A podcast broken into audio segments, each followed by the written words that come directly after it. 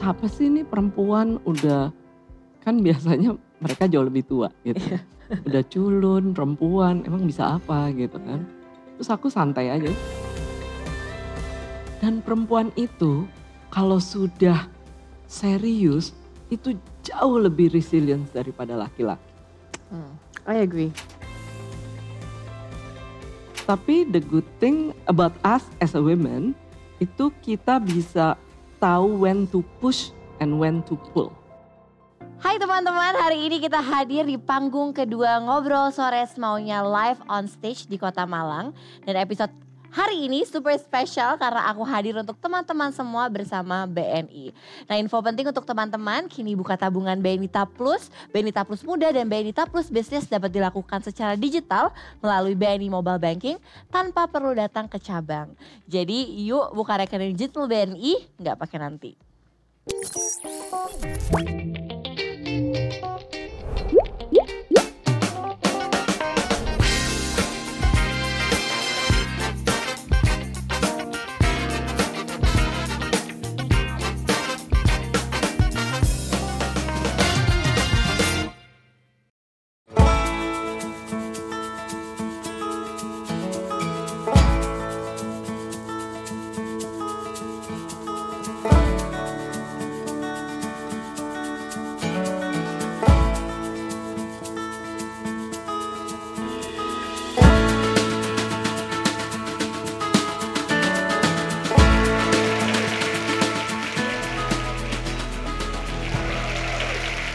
Selamat datang lagi di Ngobrol Sore Semaunya live on stage Kota Malang bersama aku Putri Tanjung. Eh, di sesi kali ini gue akan ngobrol bersama eh, senior gue, salah satu eh, teman gue juga, eh, mentor gue. She's an amazing woman leader. Eh, dia adalah managing directornya Grab. Jadi langsung saja kita sambut Mbak Neneng.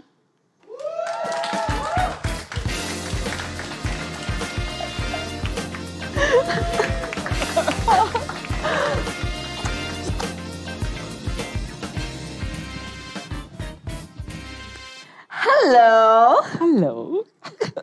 apa kabar Mbak Neneng? Kabar baik, kabar, Kabar baik. Mbak Neneng, terima kasih loh sudah hadir di NSS Live on Stage Kota Malang. Senang sekali karena kita terakhir ngobrol-ngobrol itu kalau di kamera ya, kalau nggak di kamera kan sering ya. kalau di kamera itu kayaknya udah lama banget ya. Lama banget. I think tuh 20, 2020 ya? 2020 or 2021? 2020 I remember the first pahlawan digital yang kita launch di ngobrol sore. Ngobrol sore. Iya, lama betul. banget ya. Ih, Gila ya udah dua tahun. Udah dua tahun loh. Hmm. Jadi pertama kali eh, aku ketemu Mbak Neneng, Cih, langsung nih. pertama kali aku ketemu Mbak Neneng, jadi Mbak Neneng tuh pertama kali em, merasa aku terlihat sombong, kan begitu? Betul sekali. Nah, dan aku juga merasa Mbak Neneng juga terlihat sombong. Jadi sama-sama. Tapi tapi habis itu tiba-tiba kita udah ngobrol banyak terus kita klop dan gue sangat bersyukur karena eh, gue mempunyai mentor seperti Mbak Neneng dan I consider you my friend. So I'm very lucky and once again thank you for being here. Sama dong. I'm very lucky to have best friend like you. Oh. Jadi siapa bilang dua generasi tidak bisa bersatu? Nah, Jangan gitu. woman dong. support woman, Oke. ya kan, Mbak Neneng? Betul banget. Mbak, eh, let's aku senang sebenarnya dapat kesempatan kali ini karena kita tuh belum pernah ngobrol detail soal masa lalu. So let's flashback. Duh susah nih Nah, pertanyaan. let's flashback. Waktu Oke. kecil, cita-cita Mbak Neneng jadi apa? Dokter. Oh jadi dokter. Mm-mm. Terus akhirnya kenapa nggak jadi dokter? Jadi gini, karena kan um, my dad, he's a doctor. Dan dia tuh my role model banget gitu Hmm. ya. Gue adore him banget. Jadi dari kecil tuh kita, uh, aku tuh sering diajak uh, my dad ke rumah sakit. Oke. Dan beliau tuh dokter tentara. Jadi Oke. sering jaga di rumah sakit tentara, bla bla bla. Terus aku ikut. Jadi kayak oke banget gitu. Jadi pengen banget lah jadi dokter. Hmm. Terus sampai lulus SMA, pokoknya har, jadi keluarga aku tuh nggak boleh aku meninggalkan Bandung. Karena Oke. anak perempuan satu-satunya Ya. dikekepin Hmm. gitu kan. Terus aku berarti satu-satunya fakultas kedokteran kan Unpad ya, Ya. di Bandung. Terus udah gitu, aku daftar dong Unpad. Cuman waktu itu, zaman itu kayaknya kalian belum lahir. gitu ya. Jadi zaman itu kalau daftar universitas negeri Ya. itu hanya bisa satu universitas. Jadi gini, bisa daftar satu IPA, satu IPS. Jadi Oke. aku daftar fakultas kedokteran, terus aku pikir, hmm, males ah daftar ITB karena terus akhirnya aku daftar sejarah. Oke. Karena aku seneng apa namanya? Aku seneng hafalan dan aku suka sejarah karena Oke.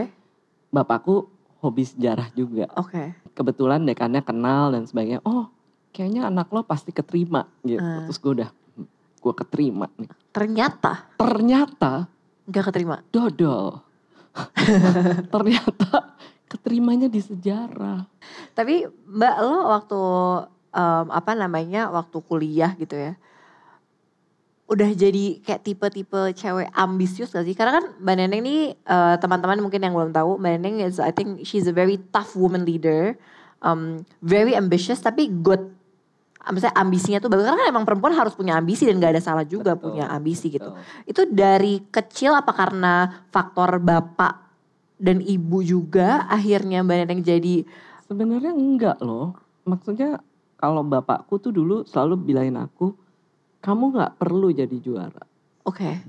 Karena kalau terus kamu juara terus, mental yang nggak kuat, begitu nggak jadi juara, Wah langsung. langsung Iya. bisa breakdown. Iya. Jadi aku tuh selalu kalau mata kuliah yang aku suka gitu ya, itu pasti aku harus dapat A. Oke. Tapi kalau aku yang nggak suka, Gak apa-apa dapat jelek. nggak apa-apa dapat jelek, jelek ya. Hmm. Jadi jangan kayak gitu juga. gitu. Nah kalau yang aku suka pas abis ujian nih keluar, terus suka nyamain-nyamain jawaban, norak banget sih emang. Terus salah gitu kan, nangis loh. Udah universitas, even waktu S2 juga begitu. Kayak gitu ya. Jadi itu ambisius apa enggak sih? Lumayan. Eh, di Mereka harus tengah-tengah, bilang ambisius sih. di tengah-tengah ya. Kalau soalnya kalau yang nggak suka cuek, tapi kalau yang suka harus. harus ya. Dan kalau aku cita, maksudnya gini, goal aku tadi kan nanya mengenai goal.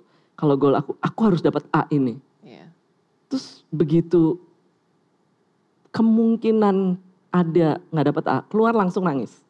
Jadi anak-anak suka ngeledekin tuh teman-teman, cari tiang, cari tiang gitu. Pasti nangis soalnya kan kalau orang India nangis suka peluk tiang. tiang. katanya. Itu ada bagus enggaknya sih ya. Karena ya dong Mbak Neneng karena eh, karena kalau misalkan if you want something really bad gitu ya dan fokusnya udah ke satu hal terus tiba-tiba nggak nggak dapet ya kan resultnya pasti kecewa, patah hati, nangis, gitu Nangis. kan. Tapi habis nangis udah. Nah, tapi how how you overcome it?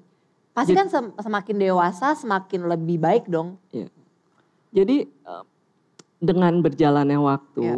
akhirnya karena even though aku waktu itu nangis, itu cuman nangis terus habis itu udah ketawa Ya. lagi gitu. Udah maksudnya it's past. Ya, itu bagian dari embracing the feeling ya. Betul. Jadi jadi kayak gitu dan dengan berjalannya waktu pada waktu aku masuk kerja gitu, I always have like dua tahun aku harus dipromot jadi ini tiga tahun whatever gitu. Kalau nggak dapet ya masih Ya. omel-omel dikit gitu. Tapi it's a journey Ya, kalau aku. it's a journey ya. Karena- That's true. in different stage of your life itu beda. Jadi setelah aku punya anak, aku nggak pernah aku berpikir I wanna be CMD, I wanna be whatever. But I love to work. Jadi aku I just know. just work because I like it. Kalau aku nggak suka ya udah. Iya. Um, walk me through your professional journey Mbak Neneng. Jadi waktu itu pertama kali uh, masuk ke dunia karir itu bekerja sebagai Consultant. consultant. For Hmm. how many years? Kayaknya lama banget deh. Kayaknya anak-anak di sini masih less than my less than my Career ini ya di Career. consultant. di consultant. More than two decade. Oh, more than 20 years. Ini adik-adik umurnya berapa? Gitu. Apa yang waktu itu di apa waktu kerja di consulting for for so long? Apa yang Mbak Neneng petik atau ambil dari working in consulting? Jadi di consulting itu the good thing number one itu adalah working as a team, Yeah. collaboration. Yeah. That's number one. Number two, I always learn something new. Yeah. Karena kan as a consultant, we always have to be one step Yeah. ahead dari klien-kliennya dong. Kalau nggak klien-kliennya nggak mau beli Jasanya. jasanya Iya. gitu kan. So itu yang aku suka karena I have to learn all the time. Yeah. I have to learn new thing all the time. And gitu you work kan. with different industries as well. Oh yes. Jadi uh, financial service pernah, oil and gas pernah, Yeah. product manufacturing pernah, banking pernah. Jadi menarik karena tertantang terus gitu. Sebagai um, career woman di consulting for so long ya, Mbak Mbak Neneng, so, So long. long. gitu. Dan dan itu kan juga butuh proses ya teman-teman untuk sampai Mbak Neneng di di di titik seperti sekarang gitu. Um, dan as a woman pasti ini ini adalah sebenarnya topik yang aku sering ngobrolin ya sama Mbak Neneng gitu ya soal soal women empowerment, soal women equality gitu. Waktu pertama kali masuk career gitu, as a, uh, as a woman, Mbak Neneng, waktu itu ada perbedaan gak sih? Kalau saya itu dari dulu emang kayaknya anaknya cuek ya. Aku nggak pernah ngerasain adanya perbedaan. Karena menurut aku kita sebagai perempuan kalau kita merasa ada perbedaan itu hanya di dalam diri kita aja kita yang takut. Karena sebenarnya enggak kok. Enggak ada perbedaannya kita sama aja gitu. Kalau kita pikir kita beda jadi jadinya kita beda gitu. Tapi kalau kita mikir enggak kok sama aja.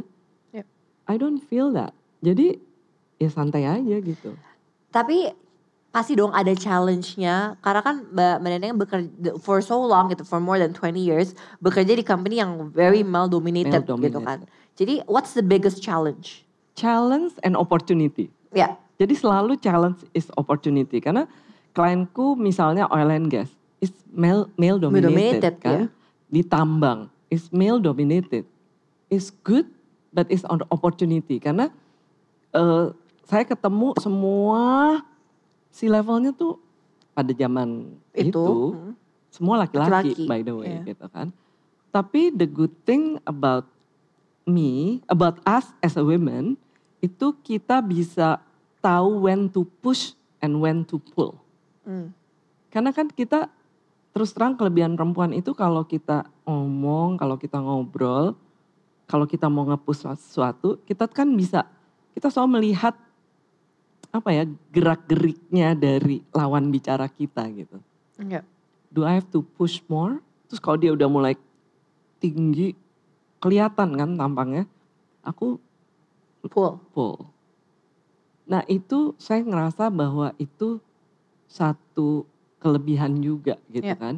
Dan sebenarnya bagaimana I earn their respect Ya. itu adalah karena ya kita confident aja gitu. Iya. Karena kita merasa bahwa yang Pak, karena mereka adalah klien kan. Iya. Mereka min, nanya konsultasi ke kita berarti kita yang paling tahu Iya. at that particular um, topic Yes. ya udah.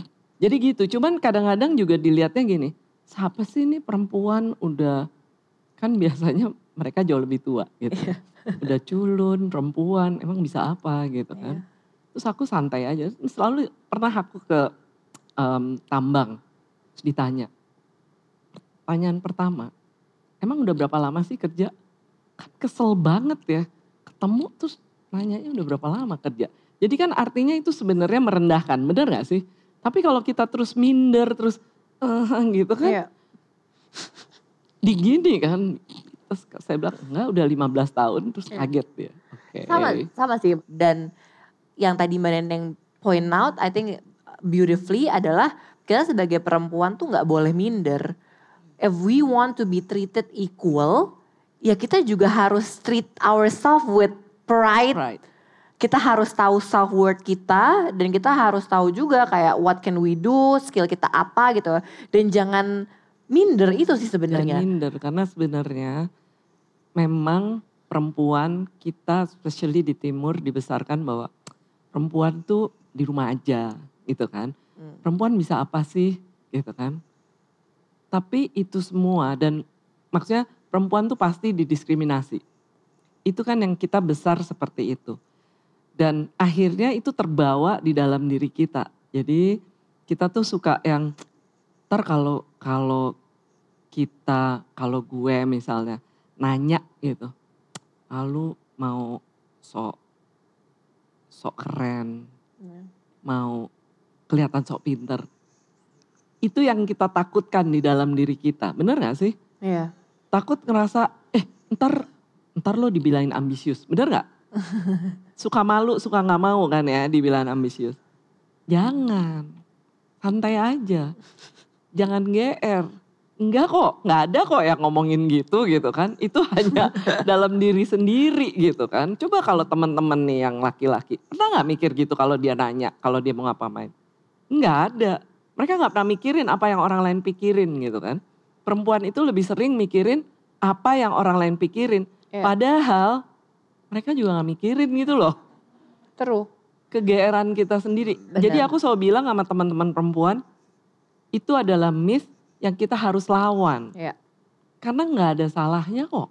Kita nggak salah kok. Kalau kita mau nanya ya nanya aja. Kalau kita minta nanti kalau kalian udah em, apa di dunia kerja gitu ya.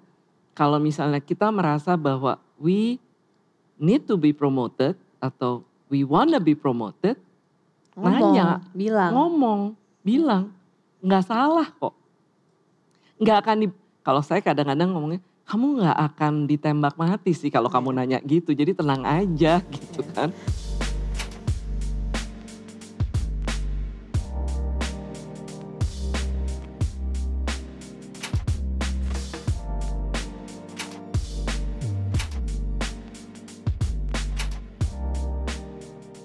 Tapi kalau misalkan ngelihat the progress gitu, what do you think of um, woman empowerment nowadays?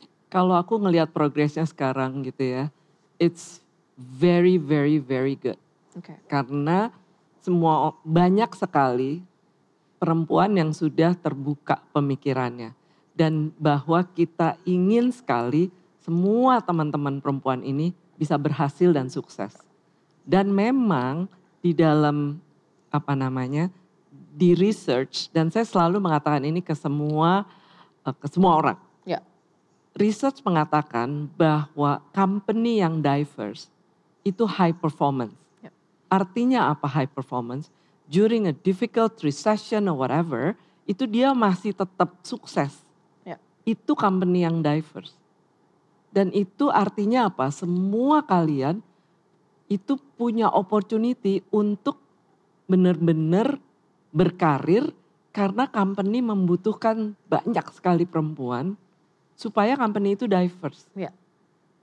Jadi sekarang itu banyak sekali eh, mentor-mentor perempuan untuk untuk mentoring semua kalian-kalian. Jadi kayak misalnya saya di Grab mentoring my direct report dan Grab mentoring em, apa UMKM UMKM perempuan supaya mereka berhasil dengan baik. Ya. Dan just so you know, perempuan itu kalau sudah serius itu jauh lebih resilient daripada laki-laki. Hmm. I agree. Bener gak? I agree. Bener loh. Kita itu jauh lebih resilient loh. Kita tuh tahan banting. Dan kita perempuan itu biasanya nggak gengsian. Jadi saya sering ngomong tuh sama teman-teman. Sorry ya buat teman-teman yang laki-laki. Di sini kayak minoritas nih yang laki-laki. Cowok itu kan egonya jauh lebih tinggi daripada perempuan. Kalau kita kan emang dipikirin ego nggak usah lah ya gitu kan. Santai aja. Kalau kita, kalau perempuan itu kalau salah ya minta maaf. Ya minta maaf aja biasa aja gitu kan. Kayaknya kalau buat laki susah bener gak? Dit bener gak Dit? Tapi Bereneng, tadi tadi I think uh, there's a good statement bahwa um, a company need a diverse um, workforce gitu ya karena itulah yang membuat sebuah company jadi very vibrant, very effective, very progressive dan segala macamnya. Um, dan as a woman leader di Grab gitu. Dan salah satunya kan kalau misalkan kita mau bikin environment um, of the workplace jadi vibrant dan jadi apa namanya punya equal opportunity lah ya for everyone, pasti dimulai dari culture perusahaannya gitu. Um, can you talk a bit about uh, the the important of culture di Grab dan gimana caranya biar tadi tuh yang Mbak Neneng bilang, gimana caranya biar opportunity-nya equal dan punya uh, a diverse uh, workforce di dalam Grab Oke, Indonesia pertama-tama, especially. pertama-tama nih dengan bangga saya mengatakan, Caela, bahwa di Grab Indonesia 50% of the leadership itu perempuan. Wuh, dan em, apa pegawainya juga. Apa em, apa namanya apa resepnya gitu ya. Resepnya adalah sebenarnya banyak ham- banyak company sudah melakukan resep itu. Artinya bahwa kalau daftar itu nggak dilihat kamu perempuan atau laki, Laki, kamu iya. seperti apa dan sebagainya. Nggak ada semuanya berdasarkan merit. Itu nomor satu. Nomor dua kita banyak eh, melakukan training-training dan kita di company itu ada yang namanya SRW, Safe Respectful Workplace, Oke, Workforce, Workplace, gitu ya. Itu artinya bahwa semua ditreated sama dan semua harus respecting each other. other. Yeah.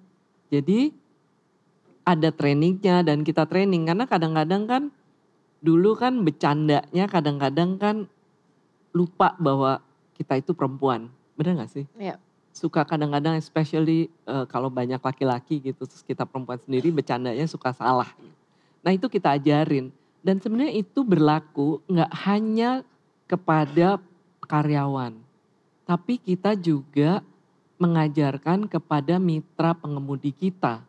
Ya. Jadi mitra pengemudi itu ada yang gini kan kalau misalnya mereka bilang, wah ibu cantik nih hari ini, that is sexual harassment. Hmm. Mereka nggak tahu. Dan kita educate juga mereka gitu kan. Dengan kerjasama sama Komnas Perempuan. Dan para eh, mitra pengemudi kami itu mengatakan bahwa mereka nggak pernah tahu ini. Ya. Dan mereka senang di training sehingga mereka juga bisa training orang-orang di sekitarnya. Iya. Seperti itu ya, mulai dengan respect, mulai dengan ini berlaku tidak hanya untuk karyawan tetapi juga dengan mitra. Ya. Baik mitra pengemudi, mitra merchant, tapi mitra merchant kita di Grab 60% perempuan. Uh, Dan yang bertransaksi di Grab itu juga 60% perempuan.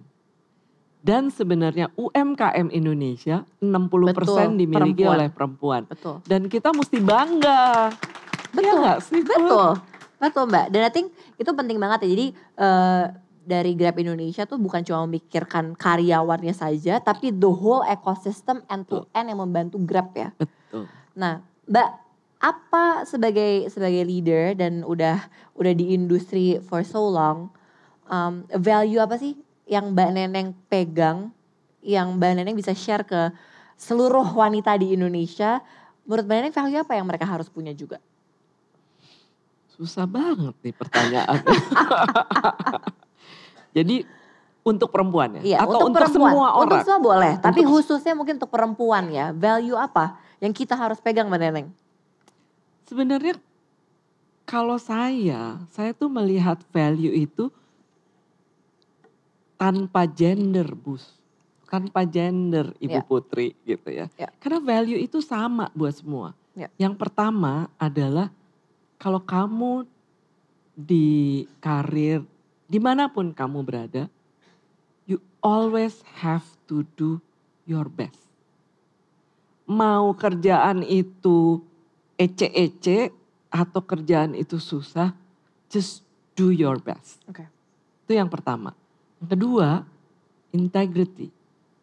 Always in anything and everything you do, you need to have integrity. And you need you need to have also a principle Iya, in your life.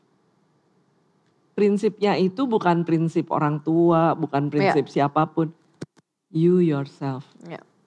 Itu yang itu I yang paling agree. penting. Sebelum kita ke pertanyaan terakhir yang susah, kita main game dulu. Oke. Oke, jadi ini eh, game adalah jawab semaunya. Jadi gue akan ngasih ngasih Mbak Neneng pertanyaan, Mbak Neneng tinggal jawab dengan cepat. Ketika bangun pagi, hal apa yang langsung saya pikirkan? Hari ini mesti ada meeting apa jam berapa? Oke, Waktu kecil hal yang paling memalukan yang pernah saya lakukan atau alami adalah? Adalah menyanyi di depan semua orang dan kayak radio rusak nggak berhenti berhenti muter terus gitu. Sumpah. Itu kelas? TK ampun masih diingat sampai sekarang ya? Iya soalnya lagunya si jago mogok gitu. Gak tahu kan? Gak tahu sih tapi gua, tapi kayak lucu. Orang nggak banyak yang tahu kalau saya itu orangnya. Sebenarnya sebenarnya nih aku orangnya nggak pedean. Mungkin ya sih? Eh beneran. Iya. jadi sebenarnya dalam hati aku tuh sebenarnya bukan orang yang pede, pede. Interesting pertanyaan keempat saya paling bete kalau menghadapi situasi seperti nah itu susah. Hmm, kalau orang udah tahu salah nggak mau ngaku nggak mau ngaku Iya. gemes banget Sama.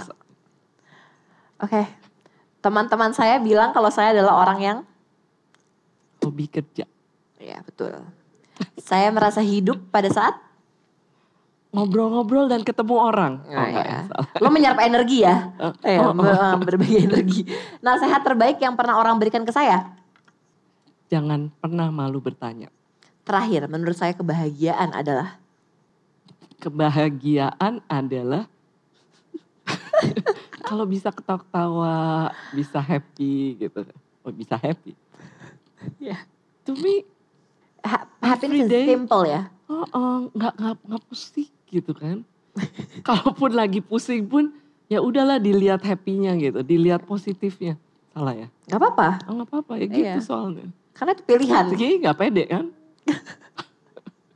my last and final Aduh, uh, ini yang susah question. banget Enggak ini. iya. Gue nggak My- tahu mau My last and my apa. final question.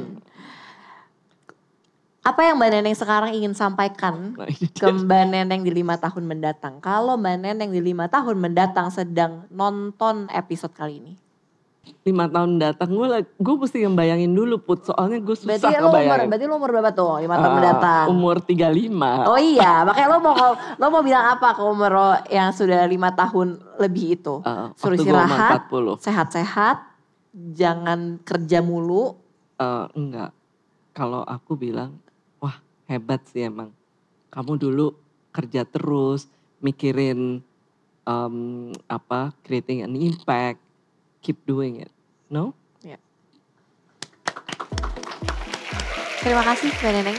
Terima kasih teman-teman yang sudah nonton Ngobrol Sore Semaunya. Dan jangan lupa untuk terus nonton si, uh, Sixu Media, nonton Ngobrol Sore Semaunya cuma di Sixu Media. Bye-bye. bye